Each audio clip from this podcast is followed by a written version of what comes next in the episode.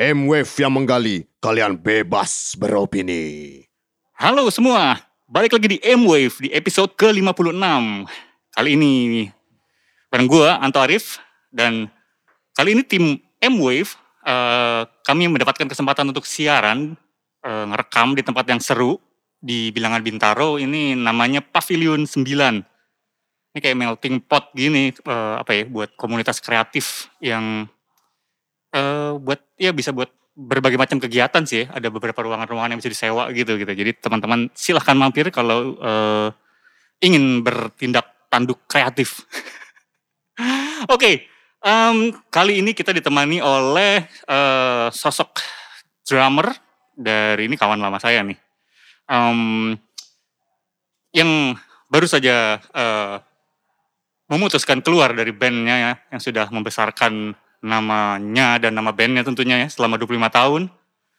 Ini dia eh, Pepeng, Ya. X Naif ya. Sekarang, ada X Naif ya. Sekarang ada ex naifnya, gokil. Gue nggak nyangka loh bakal bakal ada suatu saat ditulisnya Pepeng ex naif. Oke. ya, ini dia. eh, Naif ya. Naif kemarin ini mungkin kita cukup tahu ya, cukup eh, ramai eh, digegerkan media sosial mengenai Naif yang kabarnya bubar tapi entah juga ternyata tidak atau gimana saya juga ya saya, ya sudah lah ya tapi yang jelas eh, mungkin kemarin semua eh, seluruh jagat Indonesia penikmat musik mungkin eh, berduka ya sampai sempat jadi trending topik bahwa Naif yang sudah berumur 25 tahun, kemudian eh, personilnya ditinggalkan dua orang personilnya yaitu Pe, eh, Emil dan sama lu juga eh, Peng ya, Ya betul. Peng dan kemudian David eh, mengumuman ke bubar, kemudian dan lain-lain dan lain-lain. Mm-mm. Cuman eh, yang gua belum pernah dengar langsung tuh memang memang selama ini eh, belum ada penjelasan langsung ya kalau memang, memang lu keluar dari Naif ya ya. Maksudnya penjelasan langsung dari gue. Eh, dari lo, karena kan Oh. gue lihat dengarnya dari Ya. dari podcast eh, itunya Emil ya gitu ya. Hmm. Ah, jadi Iya, memang benar ya eh, Pepeng mengundurkan diri. Yes, betul. Oke. Betul waktu itu 2020 September. September 2020. Mm-mm. Oke, oke, oke. Oke. Jadi, nah, sebenarnya kalau sebuah band memutuskan untuk berhenti atau keluar Mm-mm. atau bubar, Mm-mm. mungkin orang-orang pada sedih ya. Tapi sebenarnya yang tidak perlu sedih itu adalah kita masih buka banyak jejaknya sebenarnya ya, jejak band Hmm. jejak bandnya yang sudah begitu banyak mengisi kehidupan kita dan kita bisa membicarakan juga soal hal-hal yang telah dicapai oleh- Betul. oleh oleh si band yang bersangkutan gitu ya. Ya. Dan mungkin juga kita sebagai fans juga mungkin harusnya memberikan ruang untuk mereka untuk ya si band idola ini untuk mungkin beristirahat atau memang kita kan nggak tahu ya di baliknya ada apa gitu ya. Makanya kali ini Mm-mm. di M-Wave episode ke-56 eh, kita akan membicarakan soal jangan melulu naif atau lebih tepatnya membicarakan achievement naif selama 25 tahun. Nah itu Ah, asik tuh. Iya, Iya. jadi ya kita coba positif lah gitu Betul, ya, jangan betul, sedih-sedih. betul. Iya. Karena kalau kita sebagai penggemar sedih, gimana personilnya ya? Iya betul. Pasti lebih berlipat. Iya harusnya kalau misalkan memang kalian itu menyebut diri kalian penggemar, Iya, iya. seharusnya eh, lebih mengerti lah gitu. Kalian aja sedih, apalagi yang bersangkutan ya kan? Iya, yang menjalani puluhan betul, tahun. betul. Cuman mungkin bedanya ya karena eh, beritanya baru terekspos, eh, jadi mungkin kami-kami yang di sini beberapa udah ada yang mulai move on. Ja- Hmm. karena sebetulnya udah lama kan, gue resignnya udah di September 2020, Emil juga gitu. Jadi eh, beberapa udah mulai move on, cuman kalian baru denger ya wajar kalau sedih-sedih gitu. Ya, ya, Ya. ya, ya, oke. Kemudian ini juga menarik sih, 25 tahun. Hmm. Eh kenapa 25 tahun, Peng, kalau boleh tahu? Karena gini, Apa tuh? eh, Hmm. udah mem- memutuskan untuk udah, eh Hmm. iya, Hmm. apa namanya, karena kalau kita lihat tidak banyak band yang bisa nyampe umur 25 tahun. Iya. Sangat naif ya. Iya, Apalagi iya, dengan dengan dengan pencapaian serta eh, jadwal panggung yang masih padat ya. Betul. Heeh. Hmm. Kalau lo sendiri gimana pengen ngelihat 25 tahun naif itu Hmm. apa yang udah eh, Em, dicapai. ah, ah, dicapai? Hmm. Sebetulnya kalau sebelum kita bicara lebih lanjut, Aha. gue pengen sedikit menyanggah kali ya. Aha. Kalau menurut gue sebetulnya belum 25 sih. Baru jalan, betul. 95 bulan Oktober selebrasinya. Betul. Nah, Ah, terus jadi berarti kemarin kemarin deklarasi si, si David ya, yang yang bilang kalau bubar itu kan David ya. Gue sama Emil bilang gue resign. Kalau misalkan ada pihak yang bilang naik bubar atau tidak, waduh terserah. Ah, Itu terserah penilaian aja. Nah, berhubung David udah bilang bubar, kalau menurut gue sih sebetulnya belum 25 tahun, masih jalan menuju 25. 24 sekian. Dua, gitu ya. 24 sekian gitu. Kalau orang dulu bilang 24 setengah gitu. Karena kan ulang tahunnya mau Ok- Oktober. Oktober oke sorry Kak. Nah, gitu. Nah, jadi ya itu hal nggak penting sih sebetulnya. Um, anyway, kalau misalkan lo bilang achievement dari usia 24 atau dua- atau 25 itu ya, itu waduh men, itu banyak banget. Artinya hmm, apa ya? Semua orang gua rasa ya semua orang semua semua musisi kita spesifik aja ya karena berhubung Naif ini adalah sebuah eh, grup musik gua nyebutnya ini musisi aja deh. Semua musisi pasti ingin bisa hidup dari bidang yang dia geluti. Ya, ya, yang dia sukai. iya betul. ini ini pekerjaan yang fun banget gitu. Lo hobi lo dapat penghasilan dan lo alhamdulillah bisa wealthy di situ. Ya, nah itu itu sesuatu yang diidam-idamkan musisi banget gitu. Nah kalau secara secara pencapaian duniawi materi wah men itu gue sangat bersyukur banget gue ada di sini gitu ada di Naif gitu. Ah. sesuatu yang menghidupi gue dan keluarga gue selama ini gitu. Bisa hidup bisa menghidupi. Buset itu nggak ada nggak ada ininya lah. Kalau ada tandingannya. nggak ada tandingannya di dunia inilah gitu. jadi di selain itu pencapaian lainnya ya banyak banget. Secara pengkaryaan secara gig kepuasan apa bagaimana lo bisa melihat karya lu bisa segitunya berpengaruh terhadap orang lain gitu wow itu nah itu hal yang di luar materi tuh Iya, iya, iya. itu ben- Kepuasan, ya. beneran men itu wow gila gila gila banget sih gitu. Lu bisa dibilang berarti passion, lu passion lu udah udah terpuaskan ya? di lu- Iya, di naif sebetulnya terpuaskan lah terpuaskan ya. gitu. Berarti lu masih mengejar passion yang eh, maksud gua kepuasan yang lain. Nah. Maksud gua kan dengan Naif lu udah mentok nih ya. Maksud gua udah udah udah wah dis- disaingi band lain angkatan lu tuh susah mungkin ya. ha. Ketika lu sekarang kan lu banyak project nih ya. Dan oh ya teman-teman eh, M-Wave juga mungkin harus tahu kalau Pepeng tuh punya komik. Selain komik ya Peng ya. ya komik Selain komik dan ada juga apa eh, Frank and Friends Frank and Friends solonya Pepeng terus ada project apa lagi Peng?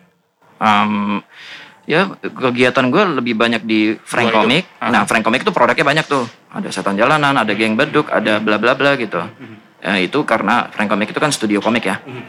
Itu beneran bidang di luar musik ya. Ya, ya, ya. Nah kalau untuk di musik sekarang ya Frank and Friends itu FNF. Mm-mm. Gitu. Dan lu apakah lu punya pencapaian yang Hmm. akan sama dengan Naif atau karena kan apalagi dari Frank and Friends lu memulai lagi dari nol Betul. dengan orang-orang yang berbeda, tim yang Betul. baru mungkin Yes. dan kemungkinan keberhasilan juga yang tidak diketahui Masih kan ya. 50-50. Iya, Iya, em, apa ya? Em, ya sebetulnya ngejalanin di side band kayak Raksasa dulu gitu oh, kan. iya, kayak raksasa. Betul. Raksasa masih ada ya? Raksasa sebetulnya masih ada, cuman masih ya gitu deh orangnya masih asik sendiri aja Sibuk gitu. Semua ya. Oke, oke. Nah, Terus terus. eh, btw minggu depan gue kayaknya rekaman sama Raksasa tuh Wow, bocoran. dalam minggu depan. Yoi, mantap. gitu. Terus, Nah, em, apa kegiatan sama Raksasa terus sama FNF ini sekarang itu sebetulnya apa ya? Hiburan lah. ah, ah, Hiburan artinya ini gue ngomongin pada saat masih naif berdiri ya. Iya. Masih gue Oke. Nah, gue mainnya mainnya di Naif waktu itu. Eh, pada saat gue di Naif itu, gue melihat Naif. Ini gue setelah pribadi ngelihat Naif itu kayaknya udah ya udah jalannya memang sudah begitu gitu. Gue ngikutin alurnya aja gitu. Kalau dulu di awal-awal Naif em, kita masih muda umur 20-an terus awal 30-an gitu masih sering menggebu ada ide ini bla bla bla segala macam gitu. Nah, hal-hal seperti itu kan berhubung Naif adalah sebuah band yang tidak ada leader, Iya. hmm, semua orang itu leader atas dirinya gitu. Itu wow, itu untuk untuk mempresentasikan ide tuh wah Panjang ya perjalanan. panjang banget perjalanan. Ada yang jadi, ada yang jadi tapi banyak modifikasi, ada yang banyak juga yang nggak jadi gitu. Ah. Nah untuk raksasa, untuk FNF itu semacam kayak pelarian gitu. Cus gitu. Semua ide kreatif apa segala macam yang gila-gila tuh gitu ya. bisa keluar di situ. Nah begitu si Naif sudah tidak ada, nah di situlah em, apa ya? Gue sebagai project owner dari si eh, FNF ini, gue mulai udah mulai mikirin nih ide-ide kreatif untuk ke depannya, untuk bagaimana strateginya, bla bla bla segala macam itu harus mulai serius. Kalau kemarin-kemarin gue ngeluarin single di FNF itu beneran keluarin aja, keluaran dan keluarin aja gitu.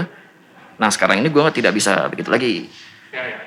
harus udah mulai memikirkan dengan benar gitu supaya si FNF ini bisa bisa berjalan lancar lah gitu. Nah ekspektasi sebetulnya belum ada gitu karena ya yang namanya faktor luck itu nggak bisa dinafikan ya. Yes, yo itu. Gitu. ya.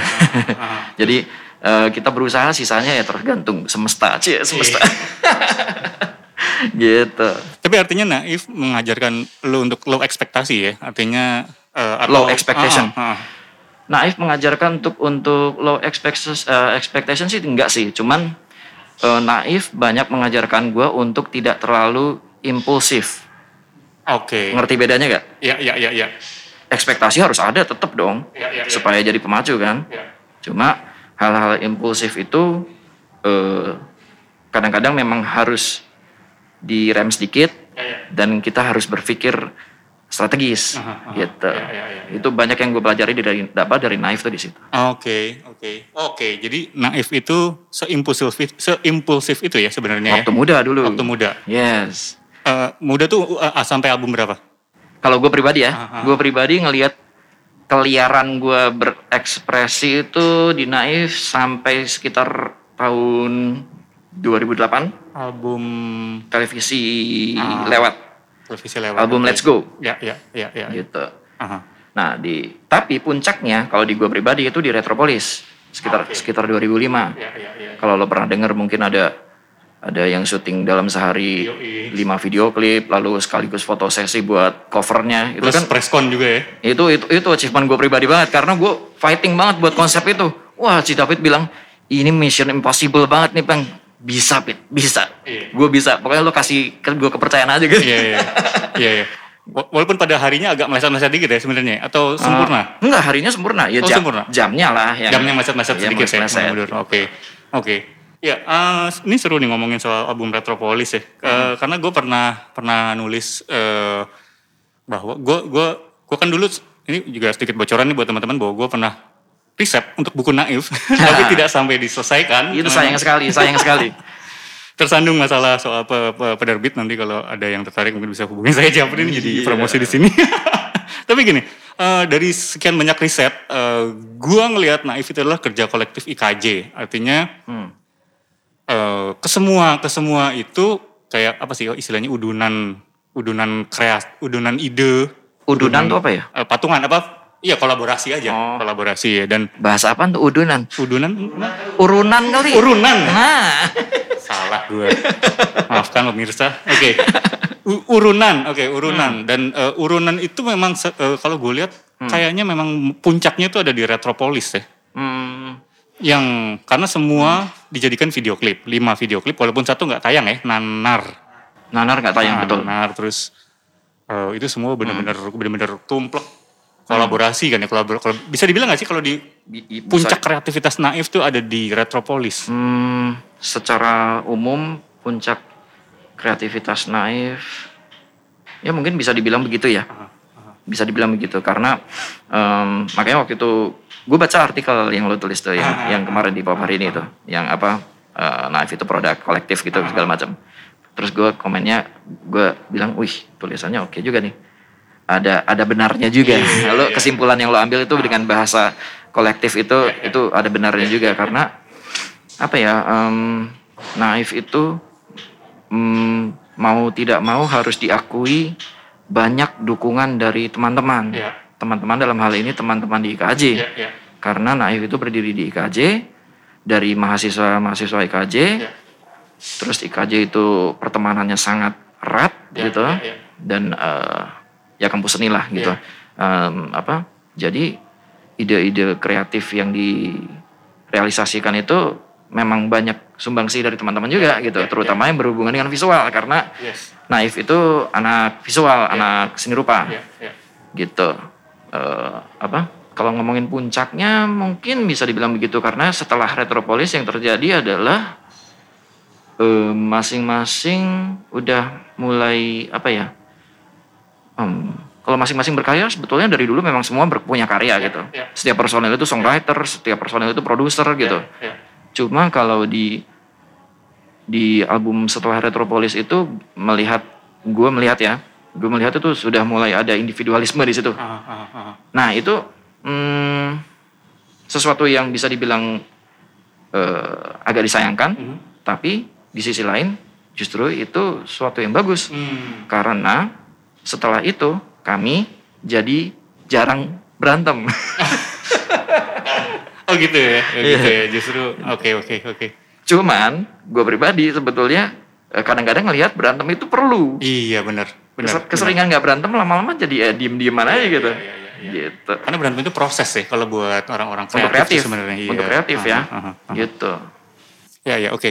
Eh, mungkin buat yang pendengar yang eh, sedikit cerita nih ya kalau Retropolis itu adalah album ke empat Naif ya. Empat Studio album, ya. Iya dan itu album terakhir dengan Buletin ya. Hmm, ya, Album dengan Buletin kemudian digarap semua eh, lima video klip Ya. kemudian dan eh, eh, eh, image retro Naif tuh kayak memuncak di situ ya. Karena Hmm, pas betul. televi- setelah televisi setelan berubah total. sebetulnya sih televisi kalau misalkan ngomong eh, secara visual masih apa mau berretro-retro ria itu sebetulnya masih ada. Kalau kalau lo lihat di di sampul albumnya itu, Oke, itu sebetulnya kan sebetulnya gitu ya. foto-fotonya tetap masih ada nuansa retronya di situ gitu. Hmm. Tapi retro yang kami ambil pada saat itu eh, lebih luas lah pengertiannya. Kalau selama ini eh, di album 1, 2, 3, 4 itu retro yang dikenal orang adalah yang bercelana cut bray, 70-an lah ya. lalu apa kerah lebar itu segala macam. Nah di televisi retronya lebih luas. Ya, ya, ya, Gitu. ya, ya. Ya, oke. Ya, hmm, karena juga sebenarnya kalau dari unsur lagu kan juga ada kita ada ada televisi yang sangat apa ya James Brown soul gitu ya.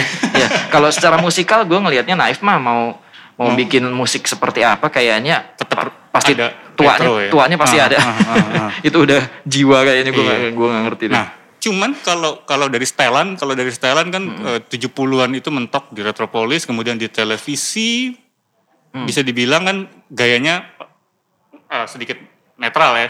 Bukan netral band maksudnya. Yap. Mungkin em, sedikit lebih beda lah. Beda lah ya. Ya. Lebih, lebih soft mungkin ya. Hmm, soft. Ah, lebih Dalam soft, arti lebih, gimana soft? Lebih nggak nggak retro banget gitu. Karena kan sebenarnya Nah. sentuhan retronya masih ada kan, tadi lo, lo bilang. Betul. Aha. Cuma eh, cuman di di lebih luasin, itulah yang bikin orang jadi bertanya-tanya, Naif udah nggak retro lagi ya? Iya. Tar dulu men, lo lihat dong gitu maksudnya Iya. kayak kayak kayak gue gue itu itu bahasa dalam hati ya. Lo lihat dulu dong itu eh, kaos garis-garis itu sebetulnya itu retro loh gitu. Iya, Kayak- Kayak gitu-gitu. Dan setelah eh, setelah Retropolis tuh lo memangnya eh, lo dan anak-anak merasa bosan dengan tampilan retro atau kayak kayaknya gue kayaknya udah deh kita bercut-bre cut-bre ria kacamata besar gitu. Itu Iya. yang terjadi memang begitu Pak. Kayaknya itu eh, nongol dari gua sama Emil kalau nggak salah ya.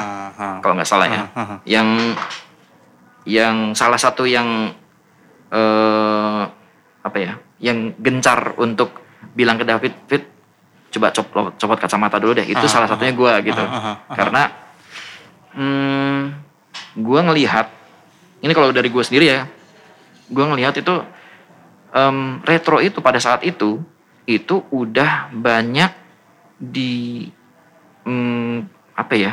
Dianggap guyonan gitu. Ah, Em, iya.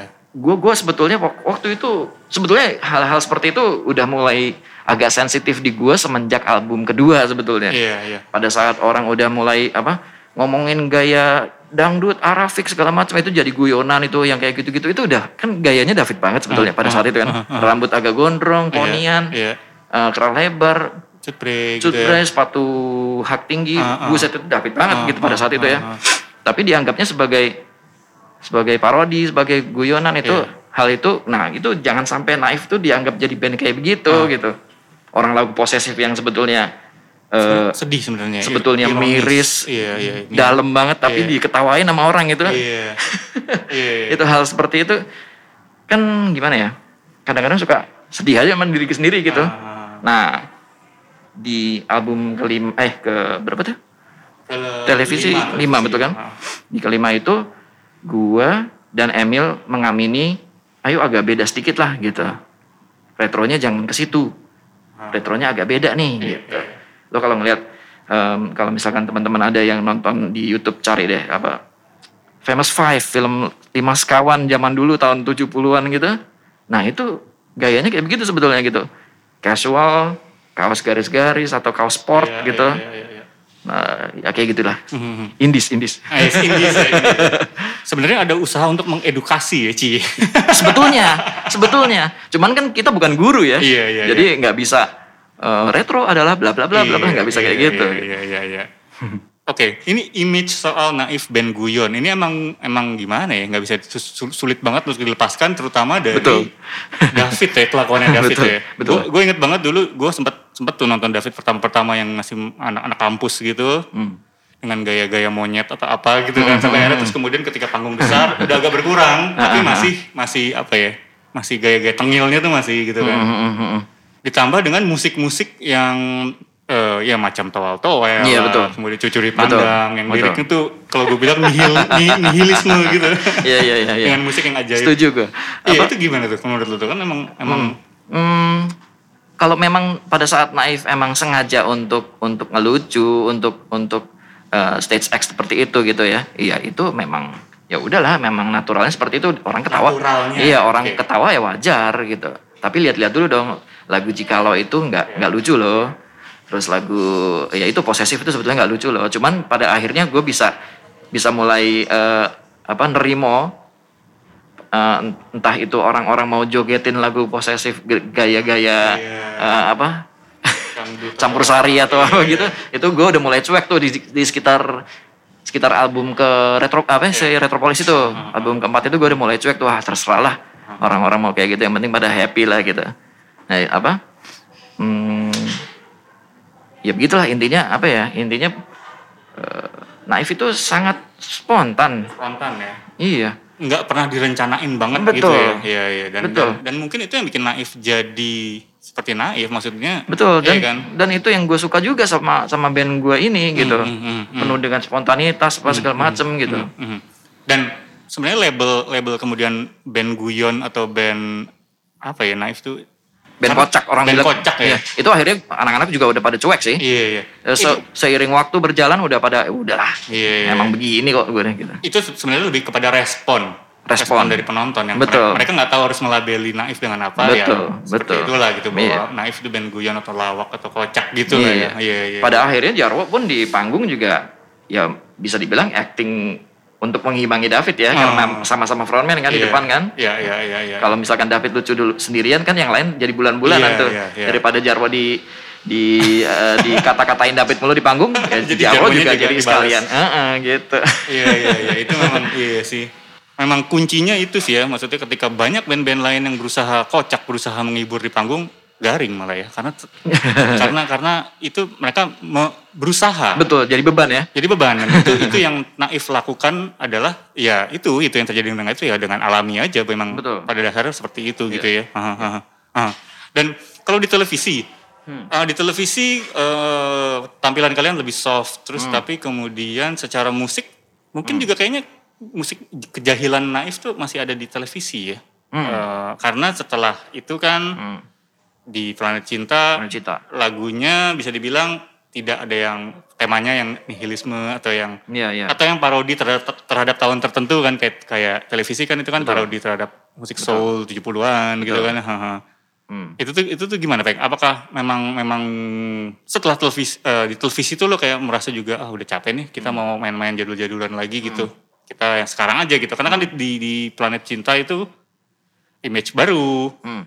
Yang yang yang Davidnya lebih ganteng video klipnya juga beauty shot ya video klipnya video Iya, klipnya iya, normal dalam tanda kutip ya seperti Iya, eh, iya, pada iya. saat itu dan tapi harus diakui juga bahwa album itu membawa Naif ke pendengar yang lebih luas lagi Ya memang sih Iya, mau iya. ti- Aha. mau tidak mau harus diakui itu. Ah, ah. Eh, seperti seperti sebelumnya, Naif itu tidak pernah merencanakan. Oke. Jadi kenapa Naif berubah dari begini terus begitu gitu? Menurut gue itu beneran nalurinya pada saat itu memang ke situ gitu. Eh, kalau misalkan ada yang bilang eh, dari dari sesama personil gitu ada yang bilang eh, gue udah mulai nggak nggak enjoy pada saat rekaman gue datang rekaman aja pas segala macam ya itu pribadi banget gitu. Tapi secara band sebetulnya menurut gue tidak seperti itu gitu.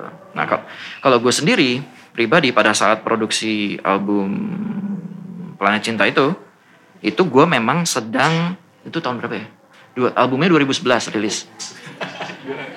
Iya, albumnya rilis 2011. Aha, terus? Em, produksinya itu mulai dari tahun 2009 kalau nggak salah. Ah, Pan- cukup panjang tuh. Jadi gini, em, sebelum itu apa sih? Televisi. televisi. Televisi 2007. Si Retropolis 2005. Hmm. Lalu sebelum-sebelumnya itu jaraknya 2 tahun, 2 tahun, 2 tahun. Nah, dari televisi menuju ke Planet cinta. Planet Cinta itu panjang banget. Ya. Dari 2007 ke 2011 baru rilis. Walaupun produksinya produksinya di 2009. Ya. Nah, di tengah-tengah itu gue pribadi saat itu gemes banget gitu. Ah, Anjrot ini ini banget sih lama banget sih. Apa sih yang bikin ini lama gitu? Oh, ternyata eh, analisa gue pribadi ya.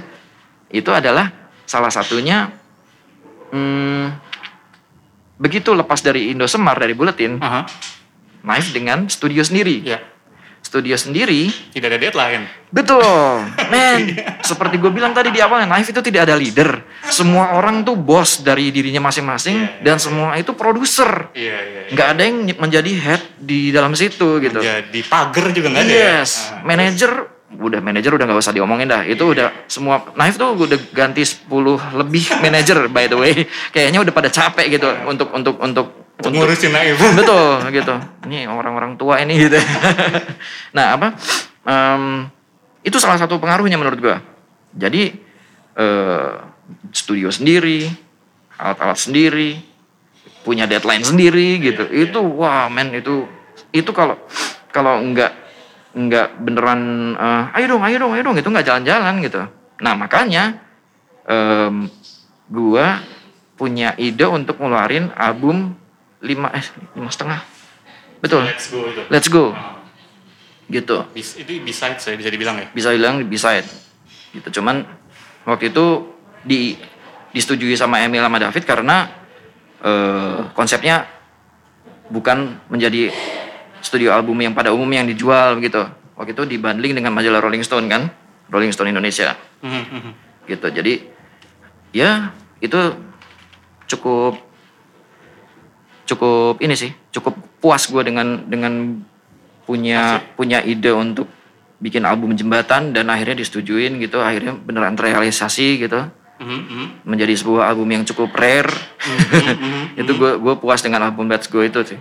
Nah sementara itu album 6 nya nih kapan loh kok udah udah udah rilis di 2008 sama sama Rolling Stone setelah itu nggak ada pergerakan lagi nih menuju ke album 6 gitu cukup panjang gitu nah apa eh Mungkin plus ditambah panggung juga padat ya. betul Karena Naif bisa dibilang jarang banget sepi panggung ya. ya bisa dibilang jarang jarang banget Ah. Em, apa nah itu itu pengaruh juga pasti Ah, ah. Nah, apa produksi yang cukup panjang itu sepertinya di beberapa orang personil naif gitu mungkin ada yang mulai ah udahlah ini susah mah gue mah mendingan ngikut aja lah alurnya bagaimana gitu. gitu. Jadi eh, semakin terlihat di album Planet Cinta itu yang mana yang semangat yang mana yang tidak semangat gitu semakin terlihat gitu Iya, iya, iya. nah salah satunya gua yang tidak semangat dalam arti em, pada saat itu gue beneran udah sedang nggak ada ide untuk bikin lagu di Naif gue udah mulai mulai apa em, ngebentuk si raksasa gitu Iya, iya. lalu ada ada band panggung The Time Travelers itu yang Indorok itu gitu gue disibukkan dengan kegiatan yang kayak gitulah Iya, iya. gitu Sebelumnya lu tuh mayoritas penulis lagu Naif ya. Lu dengan David. Eh, siapa sih? Gimana sih penulis lagu Naif itu? apa ya penulis penulis lirik mungkin Penulis ya lirik, oke. ha. Iya. Penulis lirik Naif itu mayoritas lu dan ya di David. ya di album 1 2 3 sampai 4 mungkin Ah, itu oke. Terus? gitu. Nah, di album kelima itu gue sendiri juga lagu pribadi gue nggak ada di situ. Aha, aha. Eh, gue beneran cuman ada satu lagu yang gue bikin 100% Apa tuh? gue sendiri itu di edisi yang CD judulnya judulnya Haru Biru Ah, oke. gitu Di- itu di kaset nggak ada gitu biru ya. ya itu gue gue sendiri yang memang mau mau mau memposisikan lagu itu ada di situ gitu Ah, oke. Terus terus. nah terus habis itu di album Planet Cinta gue beneran beneran lagu gue nggak ada ya kayaknya kayaknya nggak ada sih Itu mayoritas nulis David. hmm, Atau- ya Oke. betul mayoritas David walaupun David waktu itu eh, tidak eh, ngasih ide jadi Ah, ah, ah. tetap tetap dikulik gitu sama sama Jarwo sama Emil gitu cuman gua pada saat itu beneran cuma ngikut doang nih Hmm. lagunya mau ke sini ya udah gue ikutin gua nulis nyumbang lirik tuh cuma di satu lagu di Planet Cinta itu eh, tanpaku judulnya Hmm. gitu udah sisanya tuh beneran udah semuanya masing-masing lah gitu Hmm, hmm, nah mungkin karena proses kerja yang seperti itu pengaruh tuh terhadap mood hmm. mood dari albumnya itu nggak disengaja Iya, iya, iya, iya. gitu Oke. Dari tujuh album Mm-mm. Yang menurut lu pencapaian terbaik lu atau Hmm. favorit lu itu memang yang mana, Pen? apa ya si Retropolis Metropolis ya? ya ini di luar dari di luar dari apa ide eh, impulsif gue tadi ya Aha, aha. itu tapi gotong royongnya Naif terasa banget di situ Aha, aha, artinya itu yang mixing Jarwo aha. dan waktu itu eh, si Naif juga baru kali kehilangan keyboardis kan Aha. itu album pertama Naif yang tanpa pemain keyboard. Ah, ah, Chandra eh Hmm. aha, oke. jadi kalau ada suara keyboard di situ itu kalau nggak salah yang main Jarwo juga atau Emil. Hmm, hmm, hmm. gitu ya nge- sederhana lah keyboard keyboard blok blok doang gitu. Nah apa? Terus sisanya itu beneran workshop di dalam studio. Hmm, hmm, gitu. hmm, hmm, hmm. bikin lagu yang judulnya pagi itu sampai nginep gitu. Terus bikin lagu yang yang apa?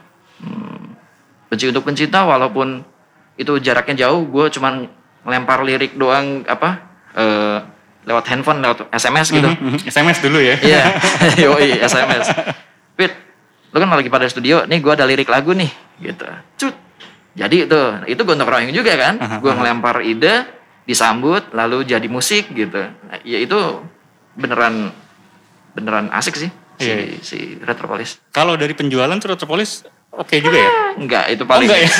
paling enggak. Itu album ket- ketelen ketelen sama eh, The Best of Naif, hype-nya itu Air dan Api. Air dan Api. Tahun yang sama soalnya. Iya, iya, iya, iya. Ya. Oh, Gitu. tahun, tahun yang sama merilis dua album ya, Iya. berdekatan ya. Satu The Best of dengan single baru Air dan Api. Sama senang bersama mau. Oh, senang bersama oke. Oh, gitu. Iya, Gitu. iya, iya, iya. Berarti itu Retropolis mungkin album paling jor-joran tapi paling kurang laku. Iya, tidak laku. Tapi soundnya bagus banget. Gue gue sih suka ya. Gue sih su- suka sama semua yang ada sound-sound yang ada di situ gitu. Dan si Emil tuh di situ lagi gila-gilanya apa ya?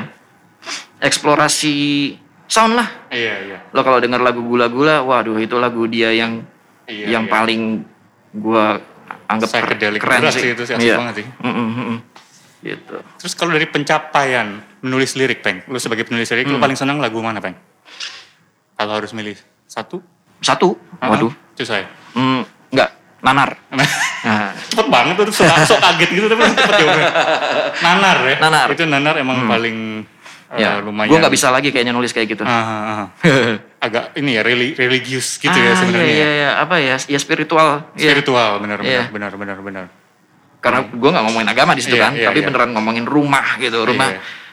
pengen pulang ke rumah dalam arti rumah di, itu di sini ya, eh, ya itulah Tuhan lah. Ah. gitu. Kalau lirik lagu yang kemudian lo puas tapi eh, agak baru dan ter- nggak terlalu jadi itu ada nggak pengen? Maksudnya Emang nggak terlalu jadi maksudnya gimana? em, nggak eh, nggak sorry yang terakhir yang baru-baru gitu ada nggak yang eh, planet eh, planet cinta oh planet cinta lo nggak nulis ya Oh, Planet Cinta gue nulis itu. tujuh bidadari gitu Tujuh bidadari apalagi sama sekali gue gak nulis. itu sama sekali nggak nulis oke itu David semua men. oh David semua. iya, Em, iya, iya. Mungkin eh, apa ya ini agak istimewa juga si si si tujuh bidadari ini. Karena gue anggap istimewa karena em, sepertinya yang gue lihat ya, yang gue lihat itu si David semangat sekali sama album ini. tujuh bidadari Hmm, tapi em, somehow mungkin kondisi yang lain juga nggak terlalu ini kali ya. Jadinya Mhm. Jadinya kayaknya dia dia doang yang terlihat semangat gitu. Mhm, mhm. gitu ya. Ya. Oke. Dan eh, yang lucunya tuh sebenarnya tujuh bidadari ketika launching itu juga di support lagi sama anak-anak ya. Ya, Ruru Eh, ya. Dan itu kan cukup besar ya. Kayaknya mungkin lo Hmm. bikin konser naif bikin konser sebesar itu. Hmm. eh, karena kan lo membawakan lagu-lagu di album persis, kemudian lo membawakan hits lama Ya. Oke. dengan setelan Ya. kayak semacam lo Yes. Konser besar gitu. mungkin bisa dibilang enggak. Enggak ya? gue nggak setuju kalau dibilang itu konser besar karena itu sangat terbatas. Aha. Eh, tiketnya dijualnya terbatas, yang datang juga terbatas dan waktu itu Pertimbangannya apa sih terbatas? eh, eh, karena mendadak semuanya. Men Oke. persiapannya itu nggak nyampe sebulan. Ah, Itu gila loh. aha. Oh itu ulang tahun keberapa ya? 23 apa 24? Gua nggak inget gue. Gue Eh, lupa. 2017, 2017, 2017. 19, 10. Anjir. Ayo dong, matematika lo gimana? Jelek banget matematika Ayo gue. dari 2000 dari dari 1995 ke 2017 berarti ulang tahun keberapa? Ayo. 22. Yes. Oke, itu Yeski, Pak produser kami. Nah, ulang tahun ke, ke 22 gitu. Nah, terus? Jadi em, udah udah mulai dari bulan Januari, kan ulang tahun Oktober nih. Ah, Mulai dari Januari, Februari, Maret nanya ke manajer, "Woi, ini Launching. ada ulang tahun gak nih?" ah, gitu. Oh itu sekalian ulang tahun sebenarnya. Yes, Oke, ah, gitu. Ada terus? ulang tahun gak nih gitu. Sampai akhirnya manggung mulu, men. Iya, iya, iya, iya. Gila loh, itu Naif itu banyak kehilangan momen selebrasi ulang tahun Karena manggung mulu. karena manggung melulu gitu. Hmm, mungkin ini bagian dari bagian daripada awal eh, Pak Manajer kita hire. eh, lo pokoknya target sekian sekian sekian sekian nah, ya, mungkin ngejar Itu, target itu, betul gitu. mungkin mungkin karena ngejar target itu gitu Eh, tapi ya begitu jadi sering terlupakan. Momen ulang tahun ke-20 kelewat 21 ya gitu-gitu aja 22 harus jadi sesuatu gitu. Nah waktu itu eh, pas kebetulan sama album kan album Yes, ketujuh. Ah. nah itu gue tapi suka dengan konsep eh, retrospektifnya itu. Iya. di babak pertama gue lupa sih bikin apa album pertama gitu ya kalau nggak salah babak kedua Nah, eh, jadi ada dua babak. Yang satu itu lo membawakan tujuh bidadari secara Oh, iya. persis, tapi Betul. babak satu lagi lo bawain lagu-lagu lama aja gitu. Iya, iya, tapi betul. lo pakai kostum jadul. Yes. Kostum yang kalian dulu suka, suka pakai. ya itu jarang-jarang Naif melakukan sesuatu yang berkonsep seperti itu Iya, loh iya, gitu Iya, iya, iya, iya. dan itu gue suka banget setelah itu lagu-lagu yang ada di album Tujuh Bidadari gak pernah dipanggungin lagi di panggung Nggak pernah dibawain di panggung. kecuali yang hit Ah, kecuali yang hits tuh apa ya? Berarti Em, lagu-lagunya. apa ya yang hit Tujuh bidadari. Tujuh Bidadari sama yang terakhir yang yang Berubah. yang berubah itu yang Ah, Oke. Hensin Voltus itu ya, Voltus ya. Eh, ini Eh, em, Satria Baja Hitam Satria Baja Hitam. Oke, terus terus. Iya, em, kecuali itu sisanya ya lagu-lagu lama aja di panggung-panggung Naif. Mhm. Makanya gue suka banget dengan konsep si konser tujuh bidadari itu gitu. Oh, dan itu melibatkan eh, ruang rupa dan good school itu melibatkan gimana? Iya, good school. Ceritanya gimana sih bisa mengajak anak IKJ lagi? Nah itu sebetulnya ada hubungannya dengan selebrasi ulang tahun di ke-19 yang ada pameran di Ruru itu dulu. Mhm, mhm. Itu juga eh, intinya mulai dari 2019 eh, eh, mulai dari ulang tahun ke-19 eh, dari pihak manajemen Naif sering ngobrol sama Ruru lah untuk bikin untuk bikin eh, sesuatu gitu. Iya ya, berarti dari pasca Retropolis, Hmm. Provisi, Hmm. eh, Planet Cinta, kalau sama anak- sesama anak IKJ sih masih kontak-kontakan ya? Ya. Sama Ruru juga ya? Betul. Ah, Lo- Ruru. Iya kalau lebih ke Ruru sih. Ruru ya, Hmm. sering kontak-kontakan ya. Terus, terus? Terus apa? eh, kontak-kontakan secara manajemen ya. Aha, aha. Kalau si personilnya kayak gue, kayaknya gue ngerasa sih enggak sih, Enggak, biasa aja lah gitu. Aha.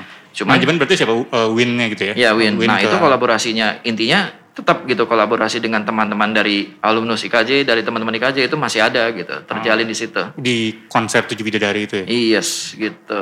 Yes, yes, yes, yes. Terus Peng, em, Hmm. seberapa banyak, kan kita ngomongin lu sebagai kampus IKJ nih. Hmm. Em, oh iya, gue juga eh, sempat eh, bilang bahwa kalau Naif itu punya kekuatan untuk menyatukan anak-anak kampus IKJ.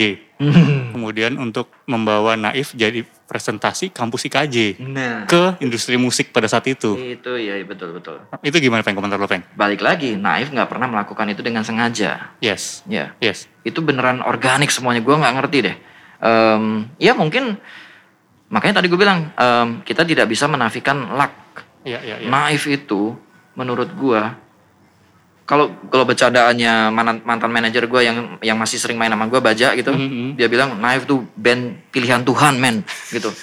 gue ketawa-ketawa aja anjrot lo cuman dipikir-pikir bertahun-tahun gitu anjing bener juga ya gitu kok bisa di umur kita yang sekian masih panggungnya banyak Yoi. ngeluarin album kagak cuman kayak kayak konser konser tembang kenangan aja tau gak lo ya Lu menyanyikan lagu-lagu hits kan? Oh iya menyanyikan lagu hits, lagu-lagu lama Dan ma- banyak, dan lagu lu banyak banget lagu hits lo. iya kan, sampai bingung kadang-kadang. ba- apa bahasanya David gitu. Wah, sorry nih soalnya kita band band banyak hits. Kalau dipikir-pikir iya bener juga sih. Bukannya mau nyombong gitu, cuman hits di panggung. Iya sih panggung. Kita nggak ngomongin penjualan ya. Kalau penjualan Naif itu em, ya band yang bisa dibilang eh, cukup-cukup saja. Ah, cukup saja. tidak pernah mencapai yang platinum kayak model-model Padi atau Ceylon Seven tidak pernah. Tapi kami cukup membayangi mereka. itu ngeri juga sih cukup membayangin. Jadi nggak ada itu ya, ter- ter- apa eh, ke lembah narkoba gitu nggak sempat ada ya? Wow. apa? Ke, jatuh ke lembah narkoba, Wih, udah seks bebas seperti eh, musisi-musisi. Ah, Oke. Ya ada cerita-cerita sedikit cuma itu ya tidak. Oh, ada ya? Iya, iya, iya.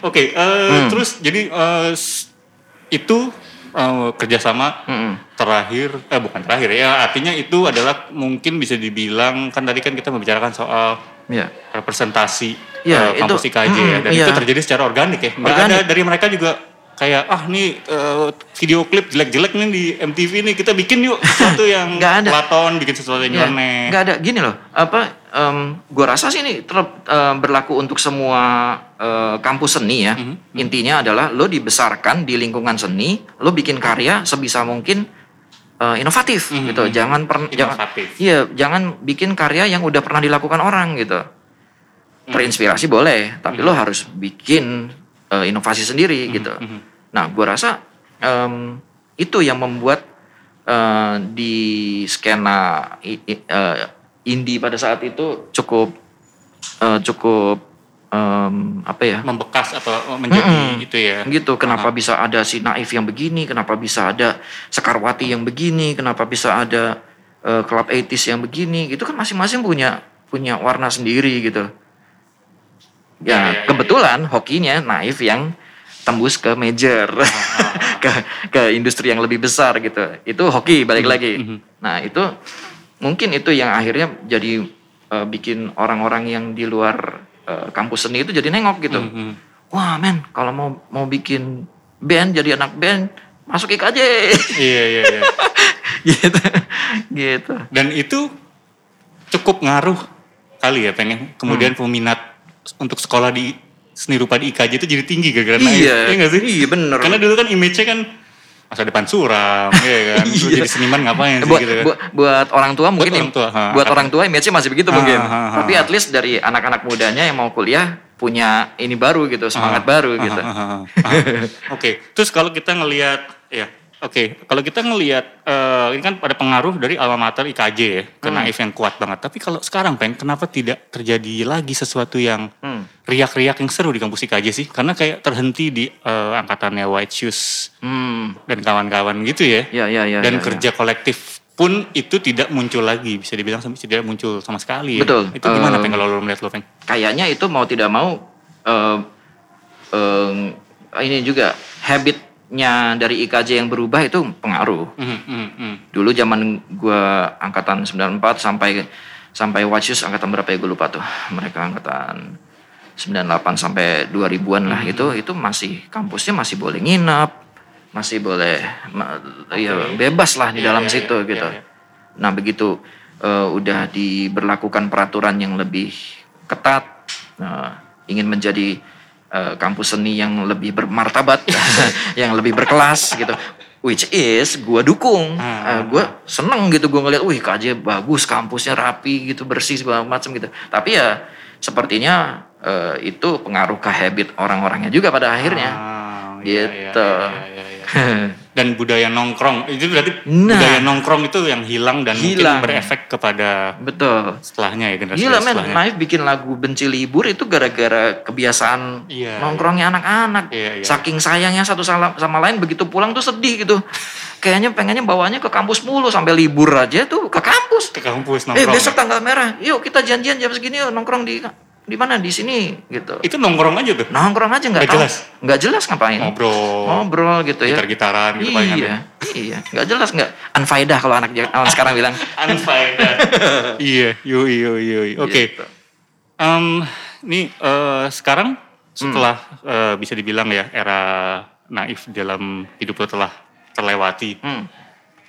Gimana lo menyusun prioritas lo dalam berkarya Peng? Kan karena Hmm. kita tahu karya eh, kayak project lo kan cukup banyak ya di sana sini ya. Ya band, Hmm. band ada beberapa, kemudian eh, Frank komik. Mm-mm. Hmm, gimana cara lo men- menyusun mendahulukan yang mana harus diprioritaskan? Kalau dulu kan pasti lo memprioritaskan naif kan? Hmm, Atau bisa dibilang project-project lo sekarang yang dulu lo kerjakan udah mulai menuai eh, hasil hasil yang baik? Hmm, hasil yang baik udah pasti. Udah pasti. Karena eh, kita nggak ngomongin hasil itu berarti kesuksesan eh, Material. eh, duit apa Finansial segala macam gitu gitu. ya. Enggak ya, tapi lebih ke eh, achievement dalam berkarya gitu. Hmm, hmm, hmm. Gue pure gue pure untuk untuk Frank Comic itu gue ya udah pasti harus ujung-ujungnya harus mikirin apa strategi bisnis, industri segala macam ya. Ya. Tapi tetap aja itu bagaimana caranya gue membuat komik yang bagus Mhm. gitu. Komik yang bagus itu seperti apa? Yang begini, begini, begini, begini gitu. Itu banyak penjabarannya gitu. Nah itu sudah terjadi tuh di Frank Comic. Itu udah cukup membuat gue puas. Begitu pula dengan project yang lain. Pada saat gue ngomongin Bonbin Band gitu. Dulu 2008. Walaupun itu secara penjualan tidak bagus. Tapi secara pengkaryaan gue puas gitu. Iya, iya, iya, iya. Nah begitu pula dengan si apa Raksasa. Raksasa itu band rock id- identitas lain gue lah gitu. Bersama Iman Fata, Adrian Adi Utomo, terus Boni Sidarta dulu, terus Iya. ada Adi Cumi gitu kan. Iya, iya. Itu em, mungkin Raksasa bukan bukan band rock yang banyak dikenal orang gitu, tapi kami all out gitu pada saat di panggung itu puas juga gitu. ah, ah, Yang kayak gitu. Jadi mm, apa ya? Pada saat Naif masih men- berjalan, udah pasti Naif nomor satu. Iya. Kenapa? Karena eh, mau tidak mau semua yang berhubungan dengan modal rekaman apa segala produ- produksi itu gue dapat dari Naif lah. Iya, betul. Gue subsidi dari penghasilan gue di situ gitu. Jadi gue harus harus tetap menomor satu ke Naif gitu. Itu cuma masalah ngebagi waktu Iya, doang iya. kok. Ah, berarti kalau sekarang prioritas lo adalah eh, gimana cara lo memprioritaskan? Apakah lo lebih mendulukan Frank Komik atau Hmm. band? Oke. Karena mungkin Frank Komik udah ada tim dengan eh, Yes, cuma lo pandemi ini jujur wah stop ma- juga. Uh, stuck man. Iya. Ya. Em, komik itu untuk irisan ju- penjualan buku ya, itu di Indonesia bukan bukan barang laku. Iya, iya, iya, iya, iya. iya. Itu di kondisi normal. Aha. Pada saat kondisi tidak tidak normal seperti pandemi ini, waduh semakin sedih, Iya, iya, iya. semakin sedih. Itu jadi em, banyak produk-produk eh, Frank Comic yang harusnya gue rilis di tahun 2020, gue pending. Hmm. Sampai sekarang belum. Ah, Oke. Sampai sekarang belum dan gue belum tahu mau kapan gitu. Nah, yang gue lakukan sekarang untuk di Frank Comic adalah gue tidak lagi menjual, eh, belum, belum lagi menjual komiknya, Hmm. tapi gue menjual IP-nya, eh, intellectual property. Hmm. Jadi si si si taruhlah misalkan komik gue yang setan jalanan, Mhm. setan jalanan itu kan karakter komik, Mhm. tapi itu judulnya sebetulnya adalah brand identity yang bisa dijual. Mhm, mhm. Dijual ke mana? Ya macam-macam. Ah, waktu itu 2017 gue pernah bikin drama radio setan jalanan gitu. Mhm, mhm, mhm. Siapa tahu nanti di 2020 ini eh 2021 ini bikin film Mhm, atau animasi mhm, gitu. mhm. Nah, itu yang TV series gitu mungkin yes, aja ya. itu Ah. yang gua apalagi sekarang platform digital streaming film-film tuh banyak, lagi banget. banyak banget banyak apa banyak banget kan. Gitu. Jadi itu termasuk salah satu yang gue upayakan untuk direalisasi apa realisasiin sekarang. Iya, iya, iya. Gitu. Oke, oke. Tapi eh, IP ini intellectual properties ini udah mulai berjalan ya sebenarnya di Indonesia. Di Indonesia udah mulai berjalan sejak 2018. Mhm, mhm, mhm, mhm. Udah cukup menjanjikan sih. Dan secara pemasukan udah mulai terasa Lumayan juga kan? lah. Lumayan lah ya. Belum Oke. bisa menghidupi keluarga tapi kalau single masih bisa lah. gitu. Oke, itu kabar baik sih paling tidak Betul. ya, kabar Betul. baik dari eh, semua ini gitu ya. Oke deh. Siap. Ah, tanpa terasa nih 45 menit sudah terlewati Yoi. hampir 5 menit jadi hampir 50 menit. Thank you banget Peng atas waktunya. Thank you. Um, sukses buat semua-semua yang lo kerjakan. Thank you. Um, kita tunggu karya-karya lo, komik, Ya. apa musik Ya, dan lain-lainnya. ya. Um, Ya, ya. m- mungkin gue juga perlu ngantor kali. Hei, dapur tetap harus ngebul. Aduh ya. Iya iya iya ya. Intinya Iya, intinya iya. intinya kami mendoakan yang terbaik ya semuanya buat terima kasih. Terima Yes kasih. yes yes. Oke, semuanya eh, teman-teman untuk lo semua eh, sampai di sini dulu eh, per- perjumpaan kita. Jangan lupa dengerin episode M-Wave lainnya di Spotify ya. Eh, ada di bisa didengarkan di SoundCloud, Apple Podcast atau di website mvibe.id. Just. Oke, gitu aja saya di sini Anto Arif sign off dan terima kasih sudah mendengarkan. Sampai jumpa lain kali. Bye. Bye.